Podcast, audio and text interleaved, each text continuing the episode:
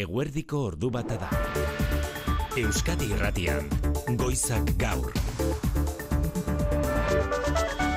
Arratsaldeon deizuela guztioi bihar goizeko amarretan gazako ordua, gurean bederatziak direnean sartuko da indarrean Hamasek Israelekin hitzartu duen suetena duela minutu gutxi Hamasek iragarri duenez. Momentuz lau eguneko tregua, orain arte oso tantaka iritsi den giza laguntzari ateak zabaltzeko, eta horrekin batera baitu eta presoen arteko lehen trukea egingo dute aldeek Hamasek berrogeita mar baitu utziko lituzke aske, emakume eta adin txikikoak guztiak, Israelek berriz eunda berrogeita mar preso palestinar.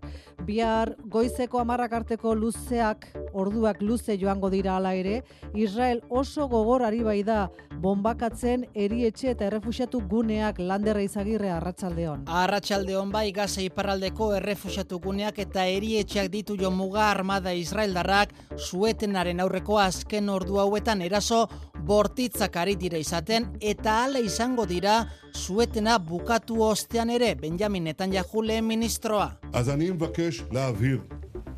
Anahlu bemilhama. Gerran segitzen dutela esan dien Netanjahuk gobernukidei tartean suetenarekin kritiko dire ministroei eta helburu guztiak bete arte borrokan jarraituko dutela. Israelek dozenaka pertsona hilditu azken orduotan Kamal Atuan izeneko ospitalean Indonesia erietxetik berreun gaixo ebakuatu dituzte eta alxifan ere ambulantziak prest pazienteak rafara eramateko helburua suetena baino lehen gaze iparraldea jendez ustea da.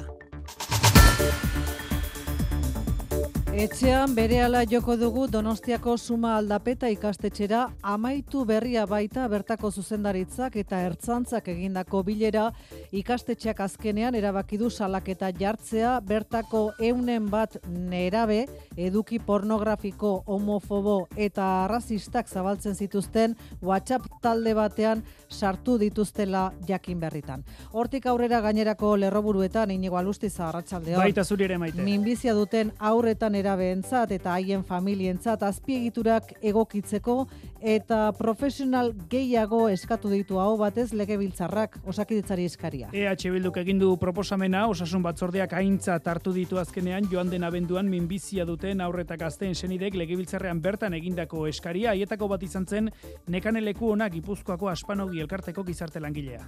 Hospitale humanoak behar ditugu sekulako langilegoa daude, benetan bi hauetan, ekipo bat behar da, ekipo osusuntxu bat, eta azken ere ba, legebiltzarrak ere ba, probestu inberdu eta zaindu inberdu ez. Behar dien errekurtsoiek ematen ez materialak eta pertsonalak ere bai. Urtero eun, eun da berrogeita mar minbizi kasu berri atzematen dira Euskal Autonomia Erkidegoan aurre eta nerabeen artean. Serunion enpresa gaur ere izketa gai, Murgiako Institutuak salatu du, Serunion enpresak eskaintzen dion jangela zerbitzuan, atzo, etzietela lehen platerrik zerbitzatu menestran intsektu txikiak atzeman zituztelako. Aurrez, durako ikasbidea eta Hernaniko langile ikastolek salatu zutenaren antzera Serunion enpresa jarri du jo puntuan Murgiako Institutuak eta familien artean kezka gero eta handiagoa da Lourdes Errasti denon eskola guraso elkarteen federazioko kidea. azkenean gaztelaniaz han tirado los precios. Eta hori ezin da e, kalitateen kontra goa da orduan oso kezkatuta gaude. Eta azkenean familiak kontrol gehiago e, lortu behar dugu horri buruz. Gidabaimenak euskaraz ateratzeko materiala prestatu du bestalde Euskadiko Autoeskolen Federazioak Jaurlaritzaren laguntzarekin. Orain arte hainbat autoeskolak eta udalerrik eskaini izan dute aukera gidabaimena lortzeko azterketa euskaraz prestatzeko, baina orain materiala osatu eta eskuliburuak eta testak prestatu dituzte euskara hutsean bai paperean eta baita online ere. Unai Zuloaga Arratiako Urkoiz autoeskolakoa eta Itzi Berretxe beste Oihartzun autoeskolakoa. asuntoa izin da, azterketak ezien modu egokian egoten, eta beraz militantzia gehiozan, ni klaseak emon, ni materiala sortu, Eusko Jaurlaritzak eta IBAPek euska, euskarazko galdeta, galdera guztiak errebisatu ditu eta momentu honetan esan daiteke garantia oso teorikoa ateratzeko aukera badela Euskal Herrian, da bueno, ba ez da gutxi. Oraingoz autoetarako eta ziklomotorentzako baimena ateratzeko egokitu dute materiala eta datorren urterako prestatu asmo dute kamioi eta autobusentzako gida baimenetarako. Sarrera honetan gogoratu nahi dugu baita ere Gipuzkoako Foru Aldundiak gaur egin duen iragarpena aitortza berezia egingo diola Andres Arizkorreta, KAF enpresa enpresako presidenteari urrezko domina eman da, Eider Mendoza diputatu nagusia. Gure lurralde historikoaren bereizgarririk handiena ematerakoan, Gipuzkoaren baliorik onenak aitortzen ditugu, arizkorretaren ibilbide pertsonalak eta profesionalak balio horietara eramaten gaituelako. Aldi berean, enpresek gure gizartearen ongizatearen eta koesio sozialaren eraikuntzan betetzen duten ezinbesteko papera aitortzen dugu. Errepidezaren nagusian egoera zein da Inara Ortiz. Ba, kontutan hartzeko bi puntu uneotan, Bizkaia 6 iruzazpi errepidean erandion bi autok talka egin dute eta gurutzetarako norantzkoan bide bat oztopatzen ari dira. Ondorioz autoiladak sortze, sortu dira puntu honetan, segurtasun sailetik adirazi digutenez, eta Gipuzkoa 6 iruzei errepidean berriz, irungo urdan ibiaparean, ez beharra izan duten lau ibilgailu bidetik kendu dituzteia da, baina oraindik ere autopilaketak sortzen ditu gora bera honek errenteriarako norantzkoan. Eguzkina iturriot, Euskalmet, Arratxaldeon. Arratxaldeon. Eta eguraldieri dagokionez, nola datu zurren gorduak? Ba, goizean baino euri gutxiago egingo du, zaparradak bakanagoak izango dira eta batez ere kantauri surialdeko mendinguretan botako ditu. Hala ere, gauera arte ez du denean atertuko. Orduan baliteke ostartu bat, ostarte batzuk irekitzea eta temperatura nabarmen jetxiko da. Izan ere, azken orduetan neurtuko dira eguneko temperaturarik basuenak. Eta biharko abitzetan? Iagun osoan ateri, giro hotza egun sentian eta egunaren erdialdeko orduetan giro eguzkitsua naiz eta giro freskoarekin jarraitu eguerdinguruan. Eskerrik asko eguzkine, Jose Maria Paola Zarratxaldeon. Arratxaldeon, maite. Europako saskibaloia dute gaurtik ostiralera hiru euskal taldek. Gaur FIBA Eurocup, Bilbo Basketek du partida, Eskozian multzoko lehen postua seguru duenez garaipenak on egingo lioke taldeari joan den igandean badalonan hartutako kolpea azteko. Aste barruko ekitaldiak badituko areto futbolean osasunak bi eta lau irabazi du derbia ibarran. Eta hurrengo fasean sartu da, Tudelanorekin batera eskubaloian Euskal Kopa emakumezkoetan. Bera-berak eramondu, hogeita amaike eta amazazpi zuazoren kontra. Gainera, nazioarteko futbolean Eurokopa dugu, azkenean Kroaziako futbol selekzioak emandu urratsa, osasunako Budimir izan da goleatzaile, eta eskupilotan Binakako txapelketako aurkezpenaren ondoren promozioko txapelketaren aurkezpena etorri da. Izen berria du kendu egin beharko dugu promozioa enpresak izan dute hemendik aurrera serie B txapelketa izango dela. Berritasuna dela fuente da eta baiko bide batez esan du Unai Alberdiri. Alberdi bigarrenari beste bi urterako kontrata egin dio. Serie B. Serie B. B seria ote zen esan dugu, Ez, baina ez esan digute serie B, B. txapelketa. Berritu beharra dago badakizu. Bai. Hau da mugitzesten harriari Hori da. goroldioa eta hori.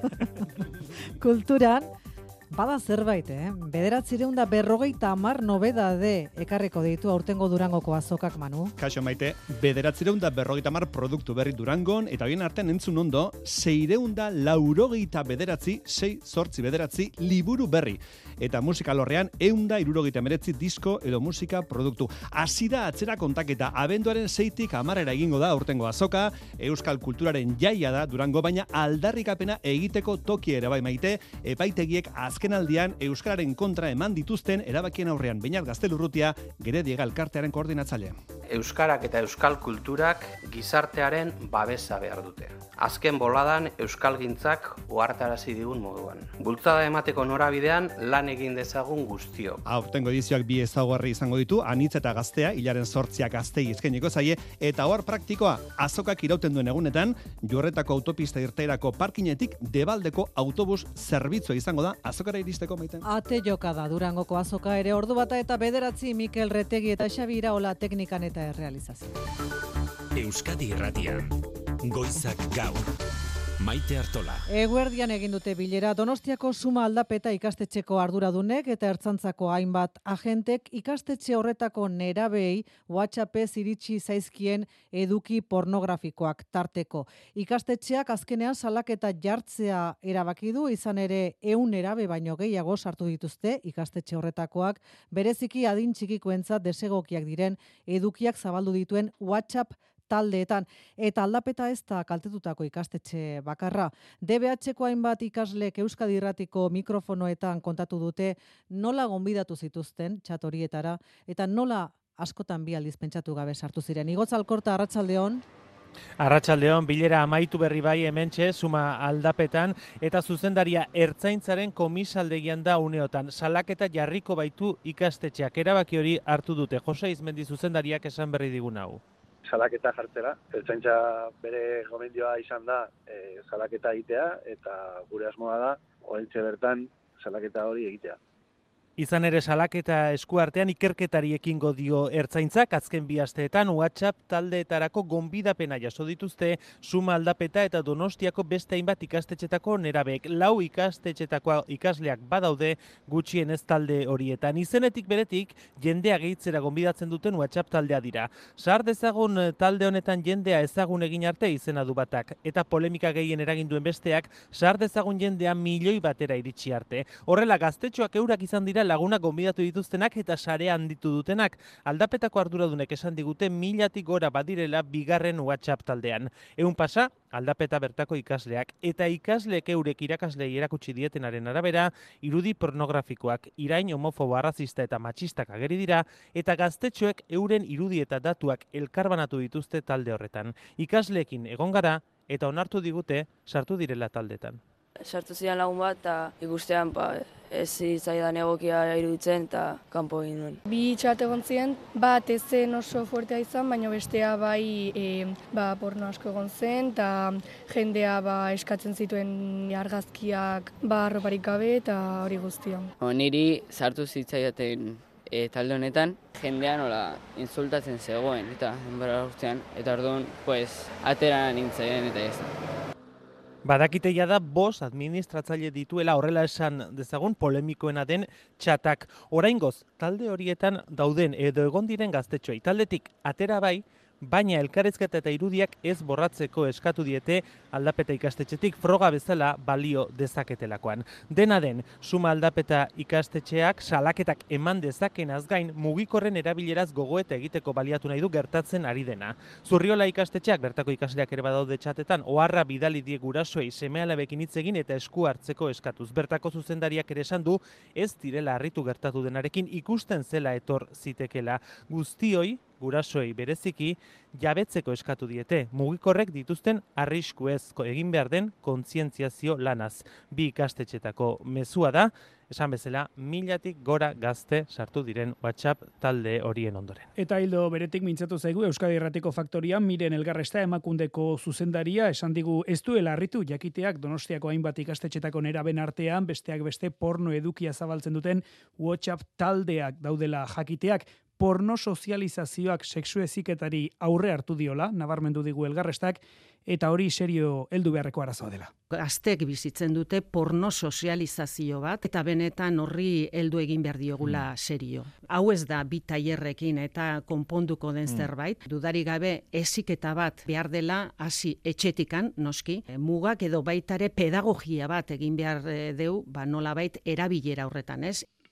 Gazteen buru osasunarekin lotuta bestalde malau eta emezortzi urte bitarteko neraben artean, antxiolitiko edota hipnolasai garrien kontsumo aztertu du EHUko opik ikerketa taldeak. Azken urte honetan, amar gaztetik ia bi hartu dute ansiolitikoren bat zurinetxe berria arratsaldeon. Arratsaldeon Euskadin neraben artean tabakoaren, alkolaren eta kanabisaren kontsumoa jaisten ari den bitartean antsiolitikoenak eta hipnola saigarrienak gora egin du. Hala ondorioztatu du Euskal Herriko Unibertsitateko opik taldeak egindako azterketak jaso dutenez, azken urtean, amalau eta masortzi urte bitarteko neraben artean kontsumoa euneko amazazpikoa izan da, izan errezetarekin, izan gabe edo izan etxean gurasoei hartu dietelako. Ondorioen artean lehen da bizikoa, neskek gehiago kontsumitzen dutela amaia bazigalupe dela era ikerlaria da.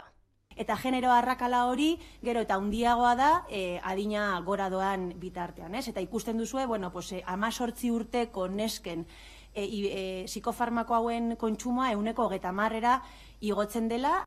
Eta bigarren ondorioa gurasoen ikasketa mailak eragiten duela batez ere hemen ikasketa mailarekin eta hau da gauza bat ere nahiko errepikakorra topatu dugun hau da e, e, etxe bizitzetan da hemen e, e, ikasketa maila benetan daukana inpaktua e, eta batez ere alaben kontsumoan, psikofarmakoen kontsumoan.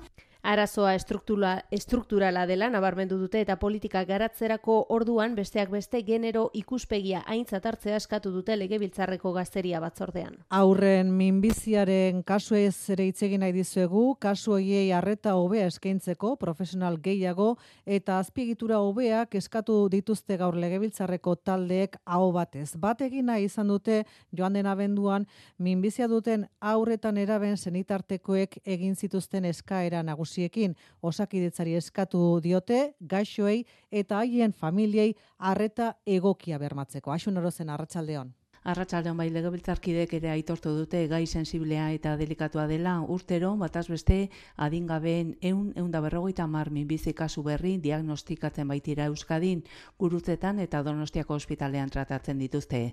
Baina gabeziak ere badira eta horregatik gaur EH Bilduren jatorrizko eskaera batetik abiatuta ados e, jarri dira EAJ, EH Bildu, PS Elkarrekin Podemos IU eta PP osakidetzak urratsak eman ditzan harreta osoa eta egokia egokia bermatzeko Rebeka Ubera. Azkenean adingabeak dira, e, umeak dira, nerabeak dira, eta bueno, ba, beraien bizitzarekin aurrera jarraitzeko, ez? Horrela eskatu du legebiltzarrak azpigiturak egokitu eta hobetzeko osakidetzaren talde osoak osatzeko onkologo erizain eta psikologoekin edota unitate bateratu bat sortzeko Euskadiko aurretan erabe guztiek aukera izan dezaten nazioartean egiten diren saiakera klinikoen onurez baliatzeko. Nazioartean, ba, Europa mailan ere, ikerkuntza bultatzen ari da, entzaio kliniko asko daude, eta nire gu leku guztietan ibistea, eta hemen Euskal Herrian ere aukera berdina izatea, ez?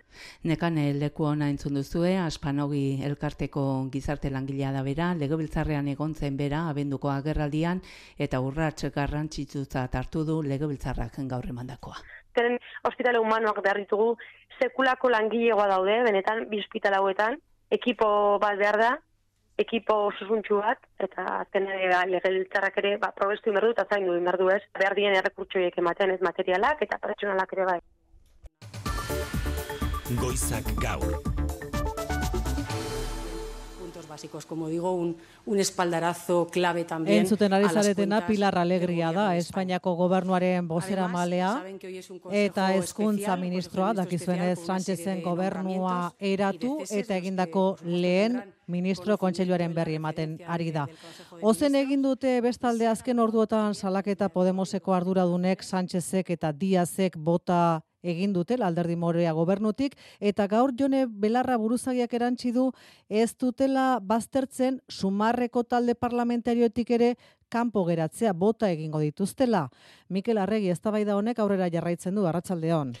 Kaixo Arratsaldeon. Bai, Pedro Sánchezen gobernu berriak gaur egin du bere lehen ministro kontseilua familia argazkia Moncloa kolorategian eta ostean bilera hasi aurretik gobernuko 22 ministroek gobernu presidentearen agurra jaso dute. Pilar Alegriak momentuotan martxan duen prentzaurrekoan gogoratu ditu zeintzuk izango diren gobernu berriaren lehentasunak. La determinación de todo el gobierno para seguir desplegando esa agenda de estabilidad, esa agenda de progreso y esa agenda de convivencia. 2008tik lehen aldiz, ez da gaur Podemoseko ordezkaririk izan ministroen kontseiluan badagizu alderdi moreak Sánchezi gobernutik kanporatu izanaren ardura leporatu diola, eta gaur Espainiako Telebista Publikoan Jone Belarra ministroia arago joan da, esateko gobernutik kanporatuak izan eta gero posible dela sumarreko orain Podemos talde parlamentariotik botatzea. Yo no descarto que igual que nos han echado del gobierno, nos acaben echando del grupo parlamentario, pero nosotras tenemos eta derecho a estar en este grupo grupo asarre daude, atzo Montero eta Belarra ministroek esandakoagatik euren agurrean dotorezia guztia galdu zutela diote, irudi oso txarra eman zutela eta ministro izendapenen ardura Pedro Sánchezena izan arren, berau, peso eta sumarren arteko akordioaren baitan dagoela gogoratu diete. Bide batez eta sumarra ipatuta, Euskadin legebiltzarreko hauteskundetan parte hartuko du sumarrek mugimendu bezala izen horrekin, ezta? Bai, alderdi politikoa sortu dute Euskal Autonomia Arkidegoan, sumar mugimendua izeneko alderdi politikoa da, zehazki erregistratu dutena modu ofizialean Eusko legebiltzarra aukeratzeko datozen hauteskundeetara aurkezteko helburu aldez aurretik mugimenduan izena emanda zeuden herritarrei jakinarazi diete gutun bidez, Euskadin ziklo aldaketarako erabakigarria izango den alternatiba politikoa eraikitzeko beharra sentitzen duten pertsona kolektiboek eta erakunde guztiak erakarri nahi dituztela eta estatu mailako sumarrekiko autonomiaz jardungo duela alderdi politiko honek harreman federal baten bitartez. Bide batez, Nafarroan, Maria Txibite gobernuko lehen dakariak bere bigarren agintaldiaren lehen eun egunen balantzea egin egin du goizak gaur. Pozik nabarmendu du Nafarroa politika aurrerakoien gotorleku bihurtu dela. Indarrak zerbitzu publikoetan eta berdintasunaren aldeko borrokan jarrita Iruña Elieraso. Beldurraren mamua astindu nahi duen olatu atzeiakoiari ez diola zirrikiturik utziko itzemandu Maria Txibite Foru Gobernuko lendakariak horretarako anistasuna, errespetua eta elkarrizketa dira bere lanabesak. Navarra se ha convertido más que nunca en un baluarte de progreso en este país ni un paso atrás Ziurgabetasun garai naziotan, konfidantza sortzeko lan eginen du gobernuak eta helburu horrekin finkatu ditu txibitek datozen berreun egunetarako erronkak. Lenik eta behin, osasun arloan, itxaron zerrendak bos mila pazientetan murriztea. Berdintasuna beste erronka, indarkeria matxistaren biktimentzako arreta integrala eskeniko dien bulegoa aurkizabalik izanen da, eta autogobernuan, Nafarroak estatuarekin negoziatuko ditu berrikuntza garapen eta ikerketa eskumena, baita bekena ere, ez dago txibiteren lehentasunen artean gizarte segurantzaren kudeaketarena, transferentzia hori ez, naiz eta ministeritza hori elmasaiz sozialista nafarraren esku dagoen. PSN geroa bai, eta zurekin Nafarroak osatzen duten gobernuaren sendotasuna adierazina izan du txibitek, agerraldian, eta horretarako alboan izan ditu taberna Ollo eta Alfaro presidente ordeak. Ordu bata eta hogeita bat minutu dira gazan, bihar goizeko amarretan, gure orduan bederatzietan sartuko da indarrean, jamasek eta Israelek adostu duten suetena momentuz, lau egunekoa, eta akordioaren arabera, berrogeita amar baitu utziko ditu jamasek aske, emakumeak eta aurrak dira guztiak, eta trukean Israelek eunda berrogeita amar preso palestinar utziko lituzke aske. Giza laguntzari dagokionez, gazara konboi gehiago sartuko dira aurrerantzean erregaia daramatenak barne. Ezagutu ditzagun xehetasunak Mikel Aiestaran eite beren berri emalea ekialde urbilan, Arratxaldeon. Arratxaldeon, jamasek aurreratu duenez, bihar goizeko amarretan sartuko da inderrean suetena gazan. Etenaldia lau egunekoa izango da, eta jamasek berrogei tamar gatibu askatuko ditu guztiak emakumea eta aur Israeldarrak. Israelek kartzelan dauden, eunda berrogei tamar preso emakume eta dingabe aske utziko ditu. Akordioa lortzea ez da bater erreza izan, horrelako prozesuak oso delikatuak baitira. Orain dela bi aste esan zuen Katarrek jamas prez zegoela zibilak askatzeko baina orain arte, gatibuak ez dira lehentasuna izan Israelentzat. Borroka irekia dago Israelgo gobernuan eta indar ultranazionalistek azken minuturaino ez dute akordioa babestu. Europan Josep Burrell, Europar Batasuneko atzerrigaietako goi agintariak, ekialde hurbilerako bi estatuen konponbidea bultzatu behar dela defendatu du gaur Europako Parlamentuan bakea lortuko bada jamasik gabeko etorkizuna, esan du Borrellek, baina Israelen okupaziorik gabekoa era berean. Agerian gelditu dena da, Europako talde popularrak nahi duen etorkizuna bi estatuena ez dela Amaia Portugal arratsaldeon. Bai, hori da, Arratsaldeon ekialde hurbiletik itzuli berri da Europar Batasuneko diplomazia burua, bertan defendatu du Estatu Palestinarraren sorrera, esan du ere bateragarria dela Israelek defendatzeko eskubidea duela esatea eta Gazako bombardaketengatik sumintzea. Baitan Netanyahuren gobernua kritikatzea ere horregatik antisemita dela entzun beharri gabe, Josep Borrell. Criticar la política del gobierno de Israel sin que por eso tengas que verte acusado de querer mal a los Ospitaleen kontrako bombardaketei buruz gogora du babestutako tokiak direla eta jamasi horien azpian ezkutatzea leporatzekotan babestuta jarraitu behar dutela probarik ez dagoen bitartean eta probak erakutsiz gero zibilak onik atera lehenengo. Nazioarteko zigora auzitegiko fiskalak egiten duen bezala eurodiputatuei eskatu die borrelek unkidura alde batera usteko eta ez alde batean edo bestean gotortzeko. Onartu du ere estatukiden artean iritzi kontraiarriak daudela Israelen defen defendatzeko eskubidearen nolakotasunaz. Baina unkidurak eta iritzi kontraiarriek ageriko isla izan dute Europar Parlamentuan ere. Oinarri oinarritik hasita bi estatuen irtenbidea ukatzetik alegia. Europako popularren bozera maielanak hartu dituen rasaiuk nebitxien lituaniarrak esan du urriaren zazpian jamasek erasoa jozuenean ospatu egin zutela As long as Hamas exists, it is difficult for me to believe in the success of the two Estatu arabiarrek ez diotela Israelia aitortzarik egiten eta jamas baden bitartean ez duela uste Palestinako estatua sor litekenik ere. Ordu bata eta hogeita lau atzera etxean kontatu genizuen joan den larun batean parakaldon ertzain bati pistola ohostutzea leporatu dut dioten emeretzi urteko gazteak nola utzi zuen bere burua gero poliziaren esku, baina ez zuen utzi itxuraz etxetik lapurtutako arma hori, ertzainaren etxetik lapurtutako arma. Gaur jakindu duguna da, bere burua entregatu zuela, baina ez kasu honengatik. Baizik eta aurrez, genero indarkeriagatik bere aurka zabalduta zuen beste auzi bategatik. Karguekin, libre utzi zuten, genero indarkeriarengatik aurrekariak dituen emeretzi urteko gazte hau, eta ordu honetan oraindik ez daukagu armaren berri, maialen arratibel, arratsaldeon. Arratsaldeon bai, epaitegietako iturriek argitu digutenez, deustuko komisalegian, astelen iluntzean bere burua aurkeztu zuen emeretzi urteko gazteak, indarkeria matxista delitu bategatik zeukan errekerimendu judizial bat, eta horri buruz erantzuteko pasazen Bilboko guardia epaiaren aurretik, alegia, etzen epaiaren aurretik basa armaren lapurretari lotuta. Bilboko guardiako epaiak kautelazko neurri batzuk ezarri zizkion, tartean urruntzea agindu bat, eta aske utzi zuen. Kontua da, inolako frogarik ez dagoenez, ertzainari pistola lapurtu ziola ondorioztatzeko, epaiak ez zuen bestelako neurririk hartu. Eta beraz, oraindik galdera asko daude erantzuteko, non dago pistola hori, gazte horrek lapurtu otezion e, pistola ertzainari, ze harreman zeukan gazteak ertzain horrekin, eta e, gerora erantzun beharko da ea ze ondorio ateratzen den segurtasun sai segurtasun saiak abiatu duen barne ikerketatik.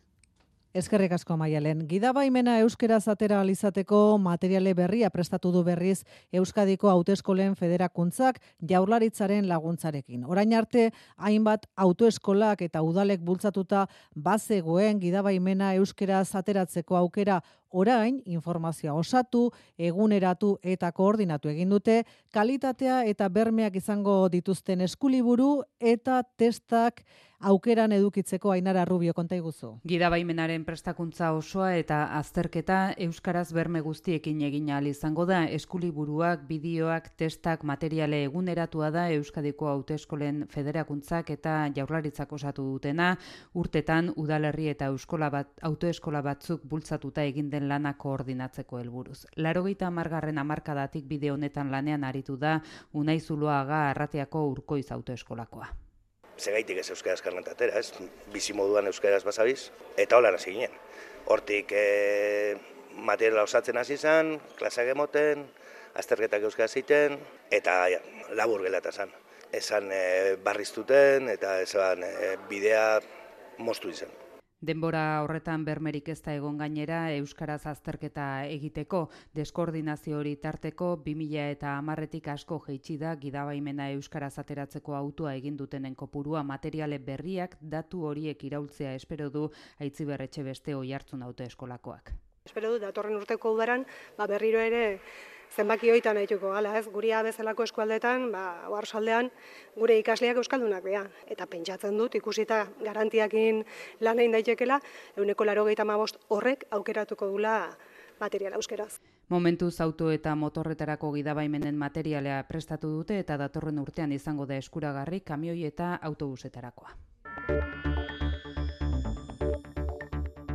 Bizkaian amaika urteren ondoren amaitu da nerbioi eta ibai zabal uoldeetatik babesteko lanen egokitzapen hidraulikoa. Modu horretara bos mila eta berreun persona basauriko galdakaoko eta zaramatok zaratamoko ur goraldi naturalen aurrikuspean, ebarkatu arriskupean egoteari utzi diote urtzi gartzia. Lan hidraulikoen irugarren fase amaitzearik ematera ur goraldi sortzen zituzten arazoi agurre esan diete bizkaiko hiru udalerri horiek arantxatapia ingurumen zailburuak gaurkoa mugarre bat dela esan du galdakoko merkadiloko zubian egin den ekitaldian. Amar urtetik behin gertatu daitekena eta eun urtetik behin gertatu daitekena ekidin egin deu eta gelditu gea bosteun urtetatik behin e, gerta daitekenaren inguruan. Bos mi eta berron persona eta zenbait industria gune uolde gunetatik ateratzeak bizkaiko ego uribeko eremu honetan eragin duen lasaitasuna nabarmendu eta erakunden arteko elkarran agoripatu dute inigo Hernando, Albertu Garritza eta Sier Iragorri Galdakao Zaratamo eta Basauriko alkatek urren ezurren. Oindala bi urteia da ez dauko guzela hemen e, uolderik, eta hori amengo jentearen zat eta galdako korriaren zat guztiz garrantzizkoa zan. Lehen, bizkarre monda bizi baginan ere, orain ja aukera izango dugu Arkotxako hausoko biztanleok ibaiari begira bizitzeko. Obra horiek basaurin uboldeak izateko arriskoa murriztu dute eta lasaitasun ekarri diete basauritarrei. Amaika urteko lanak eta hogeita masei miliotik gorako inbertsioa behar izan du ura. Agentziak bosko mairu kilometro luzerako ibai tarte handitu, iru zubi ordezkatu eta beste bat eraberritzeko, alaber, irurogita marmietik gora biztalek, aizi aldirako berdegunek gehiago izango dute aurrerantzean. Ezkerrik asko, eta azken aipamen bat, ordu bat atardietara iritsi aurretik, tolosan, datozen orduetan argituko dela, gaua etxetik kanpo eman duten hogeita bost familik, itzultzeko baimena izango te duten, irigintza teknikariek txos txostena amaitu zai dago udala, baina eraikina bera egonkortzea lortze du dute, zutabetako batean pitzadura handia aurkitu eta euskarri berriak jarri dizkiote, idalaren itxaropena da eta zuzen orduetan herritarrak etxera itzultzeko moduan izango direla.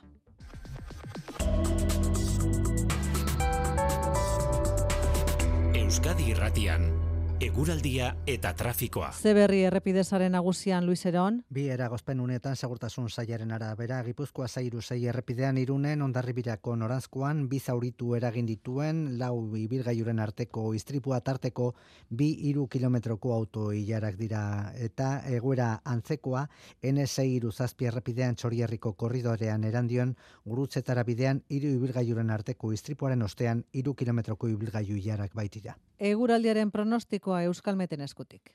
Ondoren gorduetan zaparradak goizean baino bakanagoak izango dira eta batez ere kantari surialdeko mendinguruetan botako ditu. Hala ere gauera arte ez du denean atertuko. Orduan baliteke ostarte batzuk irekitzea eta temperatura nabarmen jetxiko da. Eta bihar egun osoan ateri, giro hotza egun sentian eta egunaren erdialdeko orduetan giro eguzkitsua.